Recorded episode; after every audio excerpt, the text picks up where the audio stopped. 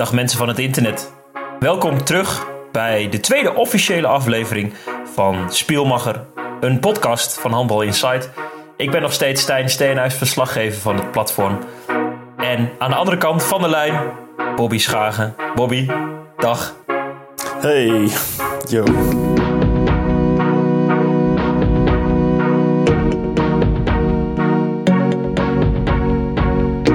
Ben je er weer klaar voor? Ik ben er helemaal klaar voor. Altijd. De hele dag al een beetje Heel. zenuwachtig. Eindelijk weer een podcast opnemen. Heel goed. EK-spanning, maar dan voor de podcast. Ja, precies. Ja, ik, ik hoorde dat er 500 mensen hadden geluisterd. Dus dan is het meteen een beetje druk op de ketel, toch? Is leuk, toch? 500 is wellicht niet een bizar aantal, maar het is wel voor 500 liefhebbers moet je wel 50 minuten gaan luisteren. Ja, ik vind het wel veel hoor. Ik vind het echt wel veel. Dus nou, hopen dat we er nu weer iets meer hebben. Het zou mooi zijn. Stijgende lijn. Tijgende lijn. We zwaaien naar alle mensen die nu luisteren. Zwaaien vooral terug. En eh, fijn dat jullie Ja. luisteren. Ik moet meteen Hey, excuseren, want ik was iets later. Ja, ja, man. Ik eh, heb dat eh, merken de gegeten... mensen bij de podcast natuurlijk niet. Nee, dat is wel fijn. Dat je altijd kunt inschakelen wanneer je maar wilt. Ja, wat had je gegeten dan? Wil wel weten voor de mensen, een Chinees. beetje voor de beleving. We gingen Chinees Oh, halen. dat is- En dat is een hele goede Chinees lekker. waar we heen gaan. Eh, maar het was ook bizar druk. Eh, dus eh, ja, ik heb die al bij de Chinees. Ik zeg, die Fu Yong Hai, eh, die zit nog hier in de pan. Ja. Hold on.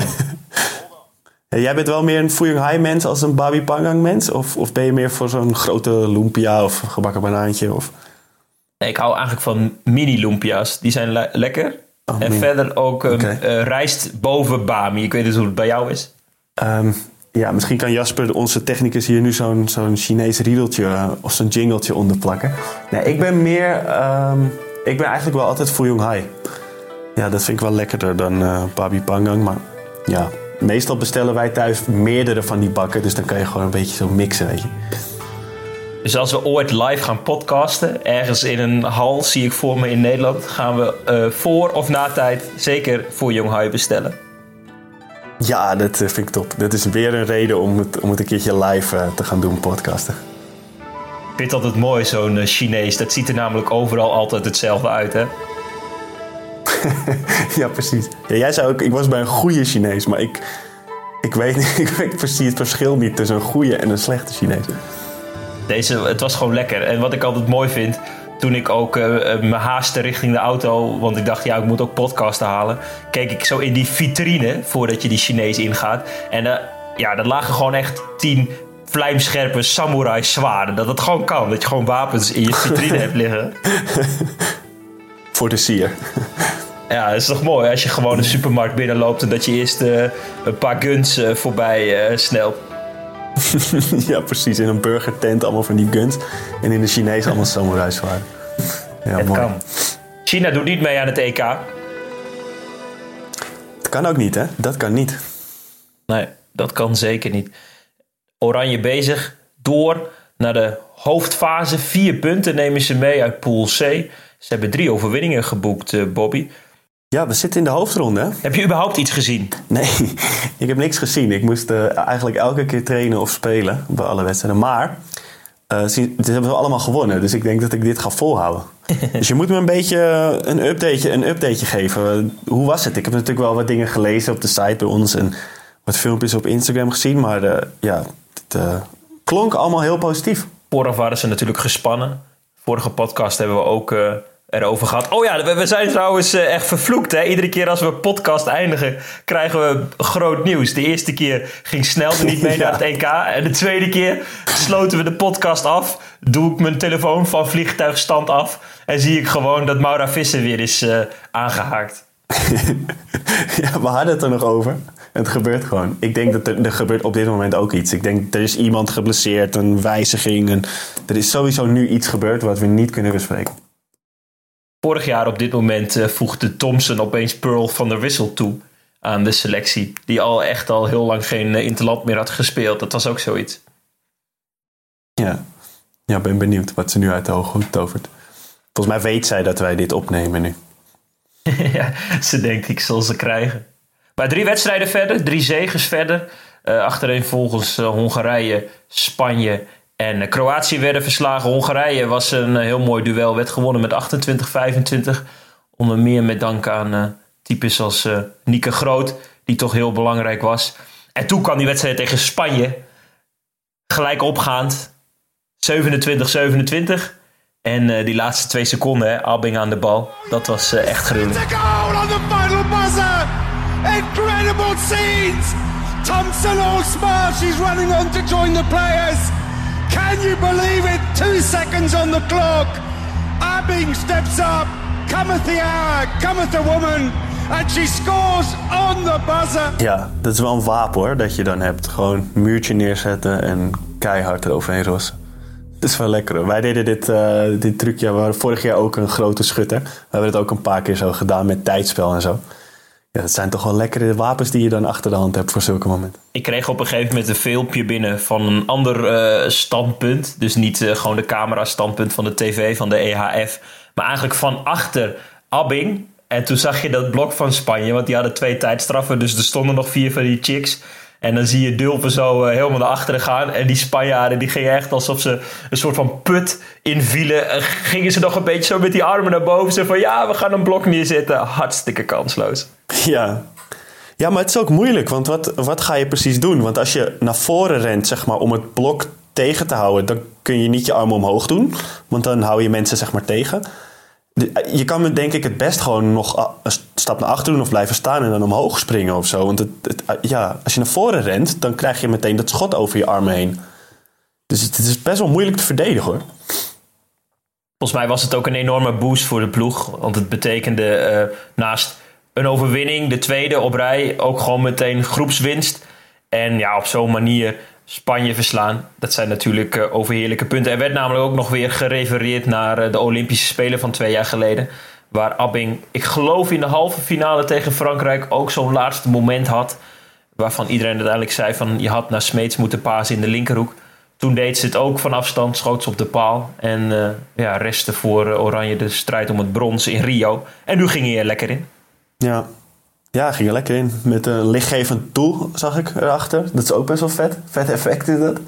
Dat het doel licht geeft als je scoort. Beetje la basketbal, hè? Basketbal. Ja. Basketbal, wat is dit over uitspraak? Basketbal, waar die ring uh, of dat bord soms ook uh, rode lichtjes heeft. Ja. Als het schotklokje afgaat. Ik vind het er wel vet uitzien, hoor. Maar wat verwacht je ervan nu? Eerst Roemenië, las ik. Die zijn wel, die zijn wel goed, of niet? Roemenië heeft net als Nederland vier punten meegenomen.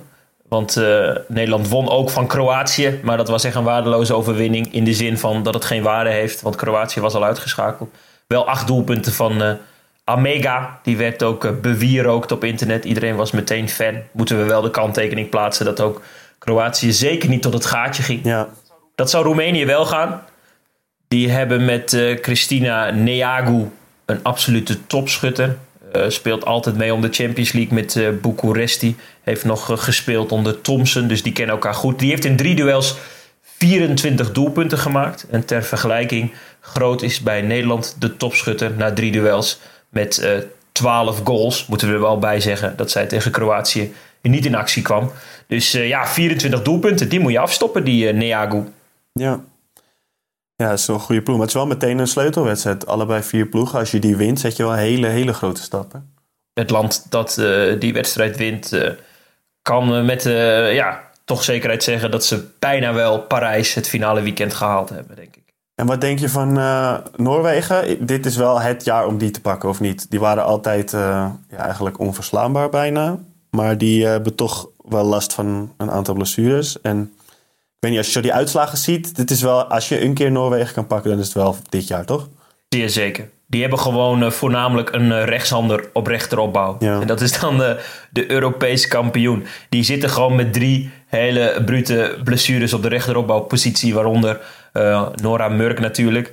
De, ja, degene die zich eigenlijk alle prijzen wel een soort van heeft gebracht vanaf de rechteropbouw. Samen met, met die blondine van. Hoe heet ze? Niet aan mij vragen, Stijn. Jij bent de journalist. Nee, ik ben sowieso al slecht met naam. Ja, kom ik op terug. ja, zo'n snelle speel, spelmaakster. Nou goed, als iemand het weet, uh, laat het vooral weten. Uh, jullie weten over wie ik het heb. Zij is hartstikke goed. Samen met Murk en bijvoorbeeld ook uh, de beide doelvrouwen Grimsbo. Ja, dat was altijd onklopbaar. En nu is Noorwegen zeker te pakken. En dat zijn lekkere punten, want die hebben nul punten meegenomen naar de hoofdronde. Nou, als het dan tegen Roemenië niet lukt, dan wellicht tegen Noorwegen. En uh, ja, dan moet je ook punten pakken tegen het uh, Duitsland van Henk Groene. Ja, ja. maar die, uh, wat verwacht je daarvan dan? Ik, als je, ja, die zijn sowieso, daar is Nederland wel favoriet tegen, toch? Tegen die ploeg. Hoewel het is natuurlijk een toernooi, je weet het nooit. Maar hoe het nu de laatste wedstrijden loopt, dan moet Duitsland wel, moet je wel kunnen pakken, toch? Of niet?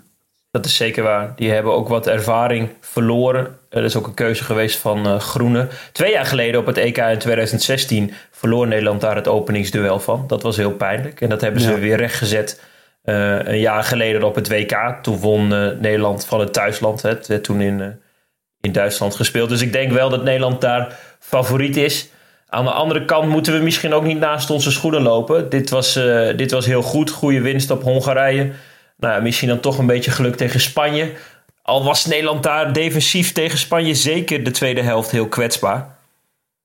Iemand als Abing schoot uiteindelijk de bal er heel hard in. Maar was eigenlijk degene die op de, op de twee positie een aantal keer zo'n Spaanse er heel vlug uh, uit uh, liet gaan. Um, ja, tegen Kroatië hadden ook natuurlijk heel veel jonge speelsters de kans gekregen. En speelsters die niet zo vaak spelen. Waarvan van wie denk je dat. Wie van die gaan ook de volgende wedstrijden? Wie, wie kunnen echt een versterking zijn? Wie gaan daar nog spelen als het echt belangrijk wordt? Dat is lastig, want Thompson heeft de eerste twee wedstrijden geen beroep gedaan op die jonge meisjes. Ja. Dus dat zal ze dan wellicht tegen een land als Roemenië zeer zeker niet doen.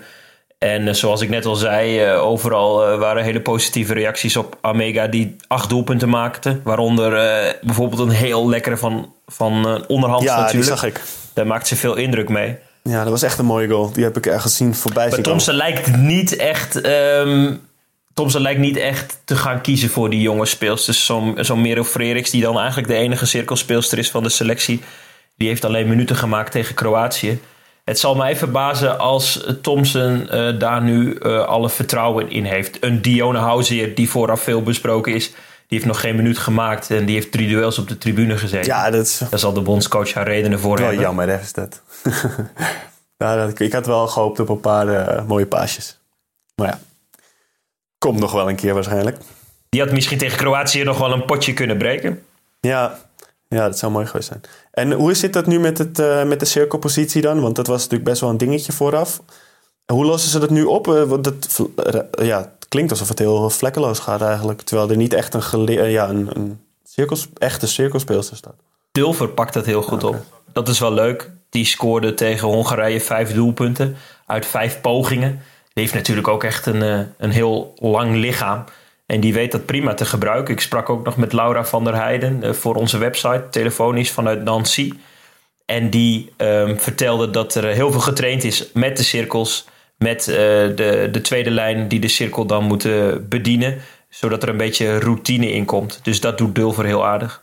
Ja, het is best wel knap als je gewoon op zo'n hoog niveau dan op een positie moet spelen die je niet uh, gewend bent om te spelen in de competitie. Dat je dan meteen uh, ja, dat je het zo goed oppakt. Dat is ook niet vanzelfsprekend, maar het is wel mooi.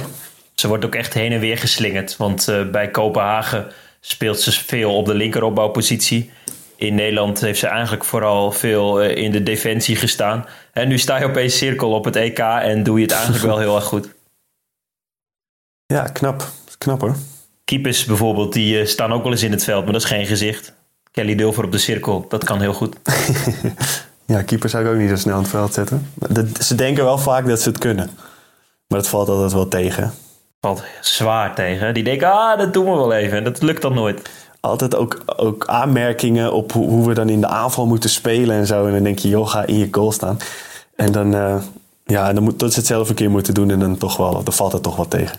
Zeker. Ja, je moest uh, deze week tegen Kiel trouwens. Hoe is dat gegaan? Dat is een eind weg, geloof ik, vanaf uh, Stuttgart. ja, we zijn uh, vandaag... Ik ben eigenlijk net teruggekomen. We speelden... Dit wordt vrijdag opgenomen en we speelden op donderdag. En het was eigenlijk een waardeloze trip op, op elk gebied. Je denkt, nou, Kiel uit, weet je. Normaal vliegen we altijd naar zulke verre uitwedstrijden. Denk ik een kilometer of 8, 900 of zo vanaf Stuttgart. En we, voorheen vlogen we altijd. Maar we hebben sinds dit seizoen een, een soort sponsor samenwerking met uh, de, de Duitse NS, zeg maar, de Deutsche Bahn. En uh, dus nu dan krijgen we geloof ik die, kaarten, die kaartjes gratis. En daarom gaan we nu in één keer heel veel verre wedstrijden ook met de trein. Omdat het, ja, het kost niks. Maar toen, de Duitse baan is zeg maar net zo betrouwbaar als de NS. Dus toen waren we in Frankfurt, wat ongeveer twee uur weg is. En toen viel de trein uit. Toen deden de remmen het niet meer of zo. Of die, toen, we, daar, we stonden gelukkig al stil. Maar toen was er, er was iets met de remmen. Dus ja, we konden niet door. En dat duurde en dat duurde, want die zouden wel even gemaakt worden. Nou, dat uh, lukte dus ook niet. En uh, we reden op de dag zelf. We waren om 7 uur s ochtends hier weggegaan uit Stuttgart. En uh, ja, toen wilden we auto's gaan huren. En dat ging natuurlijk niet, want ja, Europcar heeft niet in één keer voor 22 mensen auto's staan. Dus dat werkte allemaal niet. En ehm, toen werd er gekeken of we van Frankfurt konden vliegen. En dat kon ook niet meer. Dat was geloof ik 500 euro per persoon. Het was een beetje gekke, gekke werk.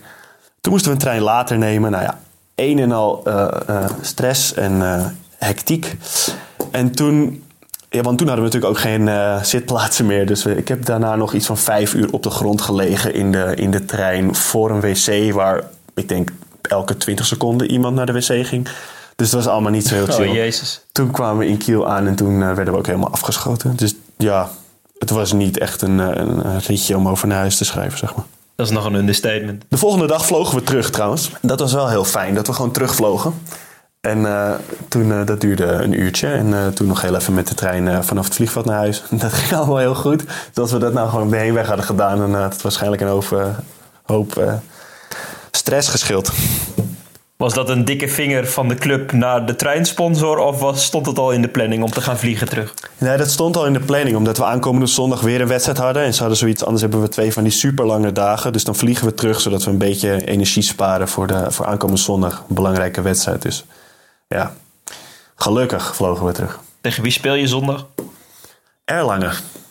Dat is een beetje, ja, staan gelijk met ons geloof ik, of ongeveer. Dus uh, we spelen uit in Nürnberg. Is dat, dus het is wel een wedstrijd waar we ja, kans hebben om punten te pakken. Met de trein? Nee, met de bus. Het is maar twee uurtjes gelukkig. Dus, uh, dat, uh... dus hoef je niet in het gangpad te liggen dit keer? Nee, en ook niet naast een wc, denk ik. Ik heb gewoon, als het goed is, twee stoelen. Heel goed, heel goed. Ik denk dat jij toe bent aan de halftime show. Ja, let's go. Tof. Ja, we, we, willen natuurlijk nog steeds de, de oproep doen. De halftime show is in het midden van eh, de podcast. En daar kunnen mensen die luisteren ja, onderwerpen, voorzetjes uh, insturen. Dat kan via social media of natuurlijk via de e-mail bobby.handbalinsight.nl. Dat vind jij uh, tof, want dan hoop je weer dat mensen gaan mailen, toch? ja, niemand van die 500 heeft het na de tweede aflevering gemaild. Dat is wel een kleine tegenvallen. Maakt, maakt ook niet uit. Ze, ze, kunnen dat insturen en dan ja, bespreken we dat heel graag. Ik wil het nu dan wel hebben over, uh, over iets ja, wat ik wel interessant vind. Het EK speelt zich af in Frankrijk.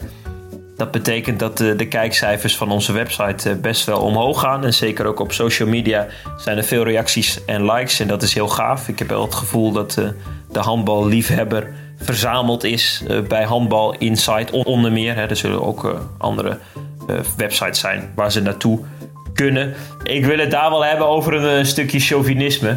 Want eigenlijk vindt iedereen alles geweldig wat Oranje doet. En als je drie keer wint op het EK en als groepswinnaar doorgaat en vier punten meeneemt naar de hoofdronde, is er ook weinig om te klagen. maar er is in Nederland ook weinig ruimte voor, voor een beetje kritiek.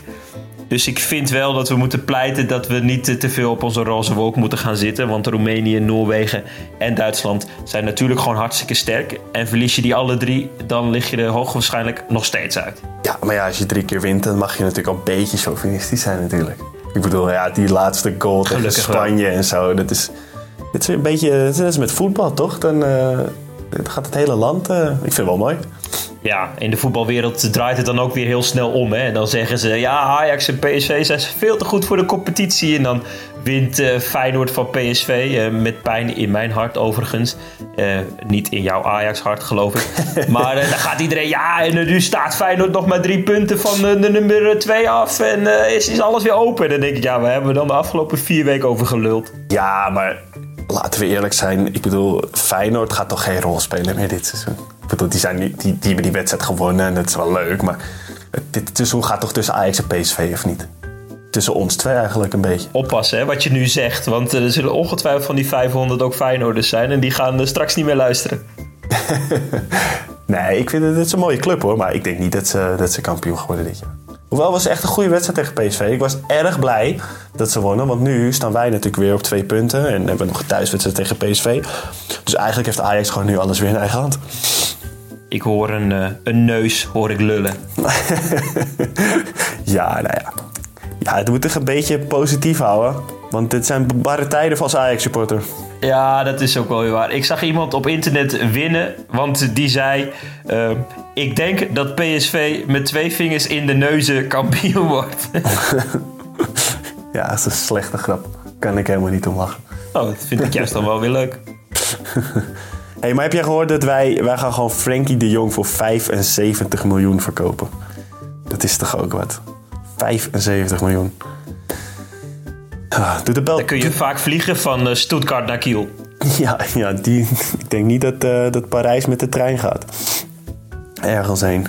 Nee, ja, het doet ook wel een beetje pijn in mijn hart. Maar ik vind het ook wel weer 75 miljoen. Gekocht voor uh, een paar duizend euro, geloof ik. En dan voor 75 miljoen. Maar ja, ja, dat is hoe het is. Hè. Dus volgend jaar denk ik dat PSV. Het zijn echt waanzinnige bedragen. Ja, dat, is, dat vind ik echt. Uh, dat is niet te vergelijken met handballen. Helaas. jij, zit, jij zit daar een beetje in en uh, ik hoef helemaal niet je loonstrookje te hebben. Absoluut niet. Maar hoe groot is het verschil? Is dat echt daadwerkelijk zo groot als dat we nu denken dat het is? ja, ja, nee, dat is echt daadwerkelijk zo groot. Ik bedoel, ik kan. Uh, leuk leven van handbal. Maar zodra ik stop, moet ik wel gewoon meteen wat anders gaan doen. Ik zou het misschien nog een jaartje uithouden of zo. Maar ik moet wel gewoon meteen een, eh, een baan vinden. Want anders uh, ja, gaat het er niet worden. Maar ik kan er prima van leven hoor. En je hoort mij niet klagen. Maar het is geen voetbal, laat ik het zo zeggen. Maar ik zou ook niet willen ruilen hoor. Moet ik eerlijk zeggen. Wordt ook maar zelden een transferbedrag betaald voor een uh, handballen. Ja, klopt. Dat is toch gewoon, uh, als je contract uitloopt, dan wissel je van club als je al wil wisselen. En wordt niet zo vaak iemand weggekocht, af en toe. Maar niet, uh, dat is natuurlijk ook niet voor zulke bedragen. Weet je dan op wat voor bedragen dat gaat? Nee, ik, dat zal in de tienduizenden euro's zitten, denk ik, soms. Maar ja, ik, ik geloof niet dat het uh, over, de, over een ton of zo zou gaan, nee denk ik niet. Maar dat weet ik ook niet zeker. Je hoort daar ook niet zo heel veel van. Het gebeurt gewoon niet zo vaak. Er zijn vaak ook niet hele langdurige contracten. Het 1, 2, 3 jaar maximaal. Dus ja, er worden ook niet zo vaak spelers uitgekocht. Er was twee jaar geleden een handbalspel, Handbal Challenge 18. Daar zat jij ook nog in trouwens. Oh, echt? Voor de computer? Ja, dat, de... dat was, nou, dat was PlayStation 4. En volgens mij ging het daar ook om echt hele minimale bedragen. Maar dat was wel interessant. Ik zal nog eens opzoeken uh, wat jouw stats waren. Vet. Eh, leek het poppetje dan ook op mij? Of hoe, hoe, ik heb dit nog nooit gezien. Nee, nou je hoopt als je zo'n uh, computerspel of in dit geval PlayStation spel koopt, handbal, dat het fucking gruwelijk is. maar het is eigenlijk FIFA 1997, maar dan met een handbal. Oh, oké, okay, oké. Okay. Ja, ik ben sowieso niet zo maar van ik had het met een aantal maten had ik het gekocht. Een aantal de maten had ik het gekocht onder het mom van... dan steunen we de, de, de makers van het spel... zodat ze hopelijk in uh, 2019 nog weer een nieuwe, nieuwe editie uitbrengen. En ooit moet het fucking gruwelijk zijn. Maar er komen geen nieuwe edities meer, of die zijn er niet gekomen. Het is al een jaar lang stil. Ik volg ook zo'n Facebook-page van zo'n maker of van het spel zelf. Omdat ik denk, nou ja, wellicht kan ik daar ook over schrijven als er weer iets wordt aangekondigd. Maar het is uh, ja, stil, oorverdovend stil. Handbal is denk ik ook het uh, moeilijke sport om in zo'n spelletje te, te, te, pakken, denk ik. Gewoon, ja, ik weet niet. Het lijkt me best wel lastig om, om, om goed lopende aanval met, met een FIFA-spelletje te, te, kunnen doen eigenlijk. Ik weet niet, ik kan me er niet zoveel bij voorstellen. Als je een systeem ging lopen, werd je beloond. Dan werd het spel, als je in de sprongschot zat, werd wat vertraagd. Dan kon je beter richten. Dat was nog wel leuk, maar verdedigend was het gewoon... Uh, als je hapte, was je de Sjaak. Als je blokte, uh, blokte je vaak mis. En de enige manier hoe je de bal kon veroveren was door steeds indringen te forceren. Dus, dus de helft van de tijd vielen al je spelers om. En was het of een doelpunt voor de tegenstander omdat er geen verdediger meer op, op de been was. Of je kreeg een vrije bal mee. En uh, had, je, had je ook invloed op de keeper? Of, of was het gewoon op hoop van zegen dat hij hem stopt een keer? Absoluut, ja. Het was precies hetzelfde als in de hoofdklasse A waar ik speel op hoofd van zegen. Oh, maar ik, ik hoorde dat jullie met, uh, met Albert een hele goede keeper hadden. Eigenlijk een hele betrouwbare keeper. ah, je, je bent heel scherp. Ja, ja dat is uh, inderdaad waar. Albert is heel goed. Albert is dan uh, niet de computerkeeper. Oké, okay, nou mooi. Ik hoop dat het in 2019 nog komt, een game. Als mensen binnen de gameteam dit heel toevallig luisteren... geef ons meer dan niets. Ja, maak eens wat voor je geld. In de vorige podcast had ik het over Alberto Stegeman in navolging op uh, Barney. Ik weet niet of je het nieuws een beetje gevolgd hebt rondom uh, Alberto Stegeman. Of je toevallig lid bent van de Facebook Fansclub. nee, eigenlijk niet. Is er nieuws? Heeft hij wat gedaan? Is hij undercover ergens? Of wat voert hij in zijn schild? Nou, een soort van undercover. Hij heeft namelijk uh, een nieuwe hobby. Dat is pokeren. En hij heeft echt tonnen gewonnen door een toernooi te winnen. Oh, vet. Hij heeft ook wel, dat is natuurlijk een, goed, een goede pokerface. Want ik bedoel, hij is altijd undercover, moet altijd een beetje acteren. Hij ging niet eens als een van zijn typetjes, hij ging gewoon als zichzelf. En uh, in de laatste hand, ik weet niet of je een beetje pokert, maar in de laatste hand had de tegenstander had, uh, pocket aas, dus twee azen. En uh, Alberto had pocket 9, twee negens. En toen kwam er een 9 op tafel. En toen had hij dus three of a kind negens. En won hij tonnen. Volgens mij een kwart miljoen, zoiets. Een kwart miljoen? Oh, lekker dus. Ja, ik poker nooit. Dus ik heb geen idee. Maar uh, ik gun het hem echt uh, heel erg. Ik hoop dat hij nu niet een pokercarrière gaat beginnen. Maar dat hij nu wel gewoon zich af en toe vermomt en achter kinderlokkers aangaat. Ja, we moeten hem ook helemaal niet op deze ideeën brengen. Stop met poker, Alberto. Ga alsjeblieft weer tv maken. Ja, precies. Ik bedoel, met een kwart miljoen. Ik, ja, daar kan hij wel even op door, toch? Dan kun je heel vaak nogmaals van Stuttgart naar Kiel met het vliegtuig. ja, ja, dat klopt, ja. Zullen we de halftime show uh, hiermee uh, eindigen? Ja, prima. Moeten we, gaan we wel weer even. Dus als mensen nog culthelden hebben. Want ik, ja, ik kwam ook. Ik kon er even niet eentje verzinnen. Weet je? Dus als mensen nou nog voor de volgende keer even iemand hebben waar we het over moeten hebben. Dan uh, graag, laat het ons weten. Ja, alles voor Spielmacher een podcast van Handbal Insight. Je kunt ons bereiken via social media of bobby.handbalinsight.nl. Ja, graag zelfs. Voordat we deze podcast zijn gestart, hebben we op ons Instagram-account inmiddels al 11.000 volgers. Waarvoor dank. Um, gevraagd: hebben jullie vragen voor ons of uh, ideeën voor de podcast? Uh, dat is de meest directe manier. Stuur die dan in via de stories. Ik uh, pak ze er even bij. En we hebben een selectie gemaakt. We hebben er vier vragen uitgezocht. En die, zal ik die voorleggen? Ja, kom maar op. Oké. Okay. Um, vraag 1 is van Esme Weel.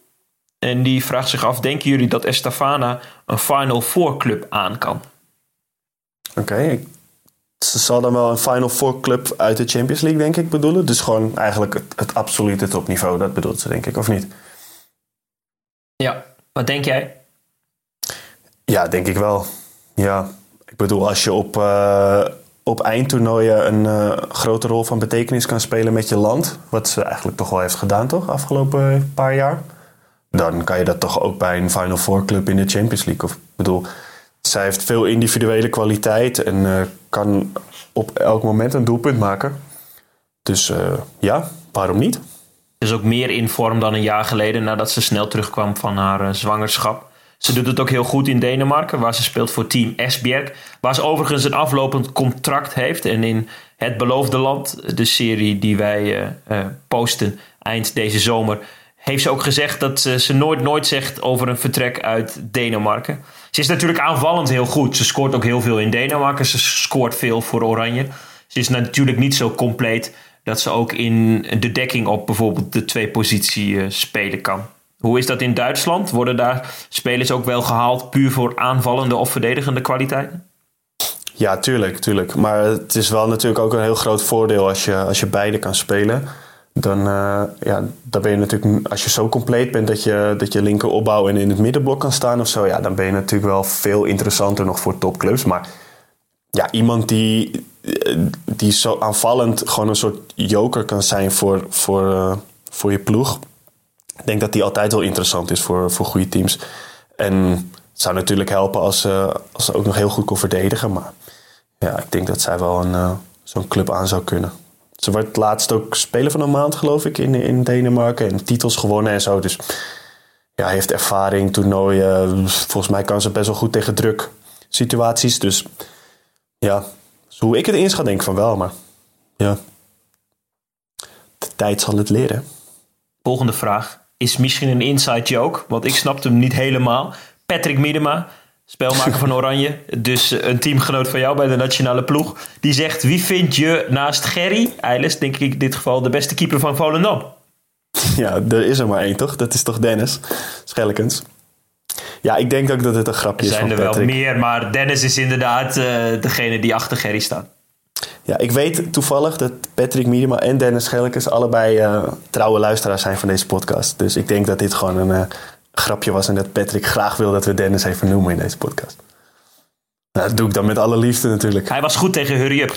Ja, Dennis, ik vind hem altijd goed. Hij was ook goed. eh, ja, dat, tegen Hurry Up, die wedstrijd heb ik ook gezien met de beslissende redding. Ja, goede keeper. Ja, niks mis mee, zou de René van der Gijp zeggen. ja, hij stopt eh, in de laatste seconde een beslissende bal vanaf eh, de, de cirkelpositie. Nou, dat is natuurlijk eh, vrij close, eh, komt zo'n eh, aanvallen dan. Dat deed hij heel goed en daarmee de winst voor Volendam zeker gesteld. Ik vind dat ook zeker voor de Benelink echt wel een, een heel goede keeper. Als je dan Gerry Eilers, die je op dit moment niet fit hebt, ja, ernaast hebt staan, als dat je twee doelverdedigers zijn... is wel een luxe. Dan zou je bijna zeggen dat ze. Ja, daar staat Volendam zeker te laag voor waar ze nu staan. eh onder in het linkerrijtje. Maar wat ik al zei, Gerry is niet fit. Ja, ja vind ik algemeen wel, wel apart bij Volendam. Dat hadden we in de vorige podcast ook over. Ze hebben toch echt wel veel goede spelers, vind ik. Ook Robin Jansen, zo, Geert Hinskens. Ze hebben echt die, die eh, jongen waarvan ik zijn naam elke keer vergeet... die op het midden opbouwt, die uit Rusland, Oekraïne... ergens waar daar vandaan komt. Mersulja, dat is Ja. Servië. Echt goede spelers. En eh, ja, twee keepers die wedstrijden kunnen beslissen. Dus het verbaast mij elke keer weer dat ze, dat ze zo laag staan op dit moment. Ja, dat is wel, eh, dat is wel waar. Jannik Meijering, de prijswinnaar, eh, herinner ik mij nu. Volgens mij is dat eh, de naam die eh, bij de prijswinnaar hoort van het shirt.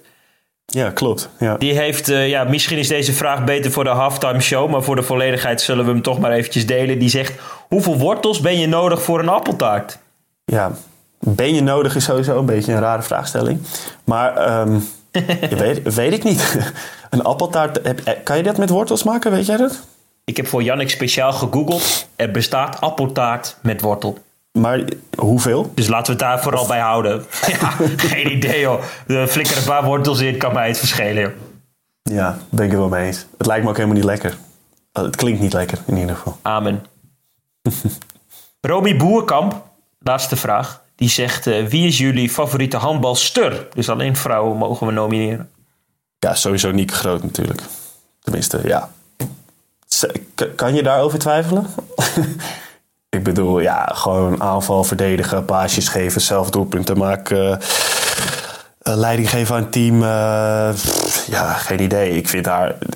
Voor haar ga je toch een wedstrijd kijken? Of, ja, ik, ik, ik zou niet kunnen, een ander kunnen verzinnen, zeg maar. Die, de, die, die op, in de buurt komt van haar. Ja, ben ik het helemaal mee eens. Zij is natuurlijk ook super compleet. Waar ik net de vraag stelde van... joh, kan Estefan ook in de dekking? Nieke Groot doet alles. En eh, die neemt nog de strafworpen. Die is aangever. Die is nu zelfs aanvoerder. Die heeft alles in haar mars om eh, de allerbeste te zijn. Al ben ik eh, overwegend ook wel vaak gecharmeerd van dat, dat Noorse handbalstertje... wat ik net niet wist. Of Oftedal. Uftedal? Uftedal heet ze. Stine Uftedal. Ah, ja, ja, ja. Nou, daar was ik nooit op gekomen. Daar was ik nooit op gekomen. Nee, zij heeft, en die heeft ook nog wel weer een gigantische versnelling. Die is ook echt wel ehm, ehm, heel goed in de 1 tegen 1. Maar eh, ja, die kan op dit moment ook Noorwegen niet in haar eentje dragen. Dus laat het vooral eh, bij eh, groot houden. Ja, we hebben het nu de hele tijd wel over de mondiale top eigenlijk in het handbal. EK's en Champions League en, eh, en de Benelink. Maar eh, moeten we het niet ook een keer in deze podcast hebben over de Eredivisie? Dat is toch ook wel een mooie competitie? Zeker bij de vrouwen is dat wel een aardige competitie. Daar heb je natuurlijk veel teams wel ehm, eerste teams in eh, spelen. In Nederland, eh, de mannelijke eredivisie, heb je echt veel reserveploegen. Ik weet niet of je dat een beetje meekrijgt, maar er zitten gewoon vijf reserveploegen in de eredivisie. Ik moet heel eerlijk zijn dat ik dat vanuit eh, journalistiek oogpunt heel onaantrekkelijk vind om, om te beschrijven. Omdat het toch altijd maar eventjes een soort van eh, natte vingerwerk is welke ploeg je als uh, vlaggenschip tegenover je hebt staan. Als het eerste team op zaterdag speelt en het tweede team op zondag, is er veel impuls vanuit de, grotere teams. En uh, anders kom je gewoon tegen een veredeld jeugdteam. Dus dat vind ik wel echt een downgrade van de Eredivisie. Ja, dat lijkt me ook wel. Dat, maar het is ook wel een moeilijke discussie, vind ik dat. Want ja, als je die er allemaal uit zou gooien. Kijk, ik snap ook wel dat veel jonge talenten naar Lions 2 gaan. Daar trainen ze gewoon goed. Die, weet je, goede training, goede begeleiding, vaak per week. En ja, het is natuurlijk zonde dat, dat je dan heel veel zulke teams hebt in de Eredivisie. Maar ja, ik snap ook wel, de vijver is gewoon niet zo groot. Ik denk dat het daar vooral aan ligt. Een goed punt dat je aansnijdt. Want er moet natuurlijk wel genoeg getraind kunnen worden. Want eigenlijk zou het interessanter zijn als uh, talenten die het dan net niet bij Lions, Beven of Alsmeer redden, dat die naar teams als uh, Hellas, Tagos, ja. ENO gaan. Zodat die ook veel sterker worden en dat de, de top daarin elkaar veel beter kan concurreren. Ja, Maar aan de andere kant, ja, als er bij Tagos gewoon minder uh, manieren zijn om goed te trainen ja, dan zou je uh, veel beter naar Lions 2 kunnen gaan. Kijk, ik weet hoe dat bij mij, waar de regio waar ik vandaan kom, uh, in Noord-Holland, hoe dat is. Kijk, uh, als je, als je wat wil als talent, maar je bent net niet goed genoeg voor Volendam 1, Aalsmeer 1, dan, dan, ja, dan kan je wel naar Aristos gaan om Eredivisie te spelen. Maar die, die trainen twee keer in de week, denk ik. En dan is het gewoon beter om je te ontwikkelen om dan bij Volendam 2, Aalsmeer 2 te gaan spelen. Speel je in dezelfde competitie, maar je hebt gewoon veel meer mogelijkheden om om te trainen. En ja, dat, dus ik, ja, ik snap dat wel. Maar ja, dus je kan ze er ook niet allemaal uitgooien. Het blijft een lastige discussie. Dus de juiste volgorde zou zijn... Eerste teams uit de eredivisie moeten ervoor zorgen dat hun trainingsprogramma uitgebreid wordt of interessant is voor talenten. En als dat op een gegeven moment die voorwaarde geschapen is, dan zou je toe kunnen naar om te zeggen: joh, uh, we mijden de reserveteams uit de eredivisie, zodat de eredivisie veel interessanter is voor jonge talenten om in te spelen of om naar eh, clubs als uh, Houten en BFC te gaan. Ja, zeker, zeker. Maar dat is denk ik nog wel een vrij lange weg die je dan moet gaan. Voordat al die clubs, voordat er genoeg clubs zijn zoals Houten, die wel zo'n programma draaien volgens mij. Ja, dat is nog wel een lange weg. Werk aan de winkel. Zeker, zeker. Ja. De vrouwen-eredivisie is dit jaar wel interessant. En dat is dan ook weer dubbelzinnig, omdat het wellicht zo is dat uh, Dalsen en VOC afgelopen jaren echt wel uh, erbovenuit staken. En dat het nu minder is. Zeker Dalsen heeft veel ingeleverd. Speelsters naar het buitenland. Denk aan Larissa Nusser, Anna Pavkovic. Daarvoor toch jonge talenten teruggekomen die net dat niveau niet hebben. Waardoor Dalfsen volgens mij uit mijn hoofd net nog in het linkerrijtje staat. Daarentegen heb je clubs als uh, Quintus doen het heel goed hebben een volwassen ploeg, kunnen het bij elkaar houden. Dus die kunnen ja, echt wel een potje breken. En ook uh, Venlo, handbal Venlo, die willen heel graag, stond ook in het Handbal Inside Magazine. Ja, die vormen samen met VOC de top 3. Dus dat is wel, wel eens interessant. Ja. Ja, mooi. Mooi dat het nu dan... Uh, wie verwacht je daarvan? Wie, wie, wie is de kanshebber dan? Uiteindelijk zou ik mijn geld toch op VOC zetten. De titelhouder op dit moment. Ondanks dat ze bijvoorbeeld Houseer of um, um, Talissa Groen zijn kwijtgeraakt. Uh, en dan is het nog maar een topje van de ijsberg wat ik nu opnoem.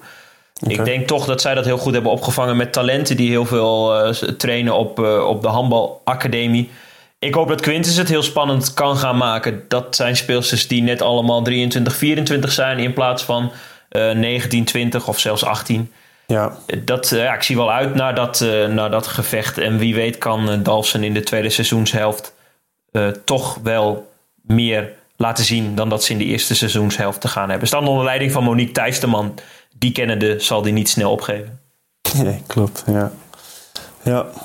ben benieuwd. Dat soort competities volg jij natuurlijk helemaal minder eh, door je drukke bestaan in Duitsland. Ja, dat moet ik uh, zeggen. Dat is, ik ken daar ook weinig mensen persoonlijk, zeg maar. Dus dan, dan staat er al helemaal ver vanaf. En daarvoor ben ik gewoon te lang weg uit Nederland. Ik volg de eredivisie omdat ik via Aristos dan wat contact heb met vrienden en zo. Maar de vrouwelijke Eredivisie, ja, dat uh, zegt me eigenlijk heel weinig. Proberen we op uh, Handbal Insight een beetje inzichtelijk te maken.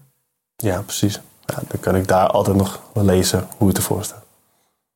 Met dank aan jou. Ik noemde het al eens. De, de kijkcijfers zijn, uh, zijn best behoorlijk op onze website. Wat heel gaaf is en waarvoor we de luisteraars en ook de lezers op de website natuurlijk willen bedanken. Het zou gaaf zijn als eigenlijk de handbalsport een tikkie populairder wordt. Zodat we wat we nu terugkrijgen aan, aan likes en reacties ook door het hele jaar heen hebben. Ja, dat zou gaaf zijn. En wat, wat het natuurlijk helemaal groter zou kunnen maken voor ons, is als er ja, mensen met geld zich daarbij aansluiten. En het klinkt een beetje bot, om dat zo te zeggen. Maar dat zou ervoor kunnen zorgen dat we jou bijvoorbeeld uh, drie, vier dagen naar uh, Frankrijk kunnen sturen bij zo'n EK. Dat is nu nog niet mogelijk.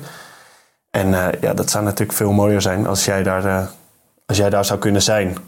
Dat denk ik dat dat voor het handbal in Nederland ook mooier zou zijn. Omdat er gewoon goede berichtgeving zou zijn. Dus als iemand zich geroepen voelt om ons te steunen, dan graag. Want voor dit soort dingen denk ik dat het twee kanten op werkt. We maken graag een plaatsje vrij in de podcast voor een echte podcast-sponsor. Ja, precies. Kom maar op. We zijn al drie jaar lang bezig en dat doen we met heel veel plezier. Uh, met ook wel bloed, zweet en tranen. En soms van het lachen en soms van het huilen. Wat je zegt is denk ik wel een kern van waarheid. Um, Handbal Insight zou kunnen groeien als er vanuit de commerciële kant het allemaal nog uh, iets beter draaien gaat. Uh, wij staan daar graag voor open en we luisteren graag en we willen mensen graag uh, nog meer bieden.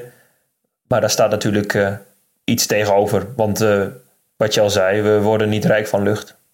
Ja, ik weet ook niet of mensen dat wel beseffen soms. Want ik zag laatst ook iemand reageren op een stukje op Facebook van waarom, waarom gebruiken jullie altijd oude foto's? Toen dacht ik ja, omdat we geen fotograaf naar Frankrijk kunnen sturen voor, uh, voor wat geld en de, en de nieuwste foto's natuurlijk. Ik denk ook dat mensen gewoon niet beseffen dat het, dat het gewoon uh, voornamelijk uh, vrijwilligerswerk is. En dat dat waarschijnlijk niet voor altijd zo zal blijven, denk ik. Want als jij straks, ja, als de NOS jou straks oppikt, bij wijze van spreken, dan weet ik niet of je nog zoveel tijd hebt om, om stukjes over allemaal te schrijven. En ik denk dat, we dan, dat de hele sport daar dan een nadeel van heeft. En dat zou jammer zijn. Dus we maken graag plaats in de podcast voor een podcast-sponsor. En het maakt niet uit of je nou um, asperges verkoopt of uh, appel, wortel, taart. We willen het graag noemen. Ja, en het zijn dan de beste asperges van Nederland. Dat sowieso. Dus ja. kom maar op. En wat we eerder zeiden over appelworteltaart nemen we direct dan weer terug en zeggen we dat het ontzettend lekker is. Ja, precies. We zijn, we voor alles over. Kom maar op. Welke keurslager ook. Je noemde al dat je tegen Erlangen moet. Tot wanneer gaat de competitie bij jou door? Heb je rond kerst een beetje vrij? Uh, we trainen op eerste kerstdag en we hebben op tweede kerstdag een wedstrijd. En dat is eigenlijk altijd zo in Duitsland. Dus uh, met kerst hebben we eigenlijk nooit vrij. En, uh, maar daarna is vrij. In januari is het WK voor mannen. En uh, ja, dan hebben we een paar weken, of dan eigenlijk de hele maand januari ligt de competitie stil. Dan hebben we wel een druk programma met het Nederlands team, maar dan uh, is de competitie even stil. De hoofdklasse gaat gewoon door in januari. Ja, wat staat op het programma dit, uh, dit weekend? Vertel, ik, ben, ik weet helemaal niet de uitslag tegen Eriks, was het of niet? Ja. Vorige week. Eriks. Wat is dat geworden? Ja, drie punten achter bij rust en uiteindelijk hebben we met acht punten verschil verloren. Het werd 28-20. Ah, zonde. En uh, wat staat er dit, uh, dit weekend op het programma? Cometas thuis in Emmer Compascum, dat is Zuidoost-Drenthe. En Cometas uh, is gedegradeerd van de tweede divisie naar de hoofdklasse. Ze komen uit Leeuwarden. Prima ploeg. Uh, maar dit keer, ja, dan ga ik me daar toch uh, ga ik een beetje fluisteren. Thuis spelen we met Hars. Dus dat maakt dat het wel ja. leuker. En straks gaan we ook trainen op deze avond na deze podcast. En dat is ook gewoon met Hars. Dus dan hebben we gewoon weer, weer vreugde en blijheid met het beoefenen van deze mooie sport. Of, spe jullie spe of spelen jullie in Zwarte Meer? ja. Weet je hoe de hal heet? Nee. Nee, we spelen in Emmerko Pascu. Okay. Weet je hoe de hal heet? Het heeft echt een mooie naam. De Klabber. De Klabber. De heksenketel in de Klabber. Nee, zonder R, niet Klabber. Oh, de Klabber. Klabber. Uh, hoe, hoe heet de arena in Stuttgart? We hebben er twee. De Char Arena en de Porsche Arena. Oh, dat is wel leuker. Daar moet het gebeuren, man.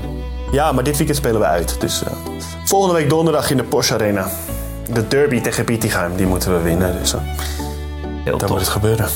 En uh, dan weet Oranje ook of ze door zijn naar de finale. Voor hen moet het nu gebeuren in Nancy. En dat kunnen de mensen uiteraard volgen uh, via de kanalen van Handbal Insight, zowel de website als Facebook. En heb je nou een onderwerp voor de halftime show?